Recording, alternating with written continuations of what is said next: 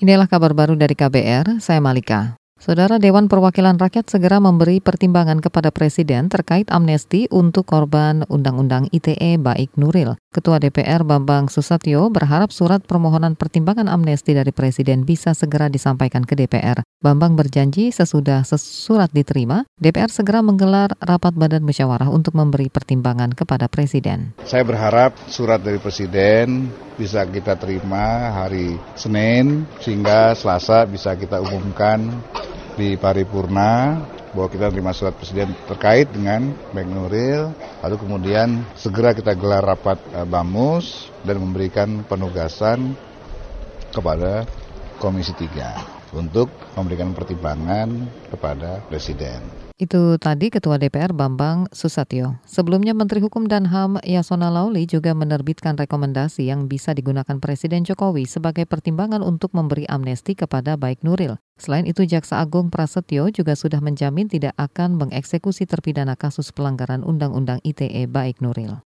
Pemerintah akan memperlakukan cukai kantong plastik sekali pakai. Badan Kebijakan Fiskal Kementerian Keuangan menyebut akan ada kenaikan 100% pada tarif kantong plastik. Nantinya konsumen harus membayar 450 hingga 500 rupiah untuk satu lembar kantong plastik. Kepala Bidang Kebijakan Kepabeanan dan Cukai Nasruddin Joko Suryono mengatakan kebijakan itu bukan untuk penerimaan negara, tapi pengendalian lingkungan. Kalau dibiarkan saja, kresek ini tidak punya nilai berarti sama sekali terhadap apa pasar. Jadi kalau selama ini hanya dibagi-bagikan saja, tapi setelah dengan adanya cukai ini diharapkan harga kresek akan naik dan itu akan mengcover, menginternalisasi eksternalitas negatif itu. Kepala Bidang Kebijakan Kepabeanan dan Cukai Nasruddin Joko Suryono menambahkan Kementerian Keuangan tidak akan memukul rata harga cukai kantong plastik, tapi harga cukai akan bergantung seberapa ramah lingkungan kantong plastik tersebut. Selain itu, biaya cukai akan dibebankan lebih dulu kepada produsen sebelum ke konsumen.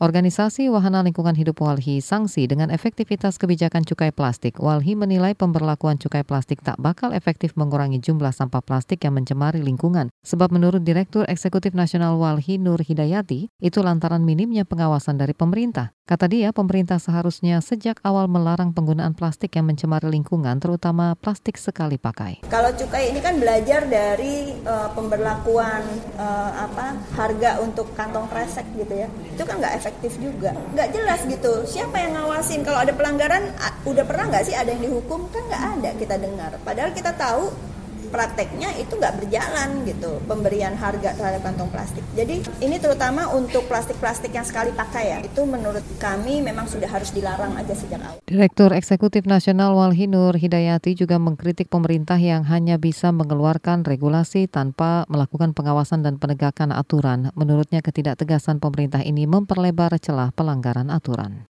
Pemerintah Provinsi Jawa Tengah berupaya meningkatkan perekonomian dengan memperkenalkan potensi wisata hingga mancanegara. Kepala Pariwisata, Kepemudaan dan Olahraga Jawa Tengah, Sindung Nugroho, menuturkan melalui program Sister City yang bekerja sama dengan negara bagian Queensland, Australia. Tahun lalu wisatawan dari Australia menduduki peringkat 9 dibandingkan wisatawan dari negara lain. Uh, peringkat 9 itu uh, sekitar 3 persen dari total wisatawan mancanegara, jadi sekitar 20.300-an. Nah target kami, harapan kami, penajaman peningkatan kerjasama sister province dari Queensland harapannya bisa memberikan daya ungkit terhadap kunjungan wisatawan. Karena nama Jawa Tengah di negara bagian Queensland sendiri, uh, terutama di kota Brisbane, Uh, sudah sangat populer. Kepala Pariwisata, Kepemudaan dan Olahraga Jawa Tengah, Sinung Nugroho, menambahkan dalam kerjasama Sister City dengan negara bagian Queensland, Australia, sejumlah objek wisata di Jawa Tengah akan terus dikembangkan, seperti pengembangan objek wisata Pulau Panjang di Jepara, objek wisata Sigandu di Batang, kawasan agro edu ekoturism Tlogo di Semarang, dan masih banyak lagi.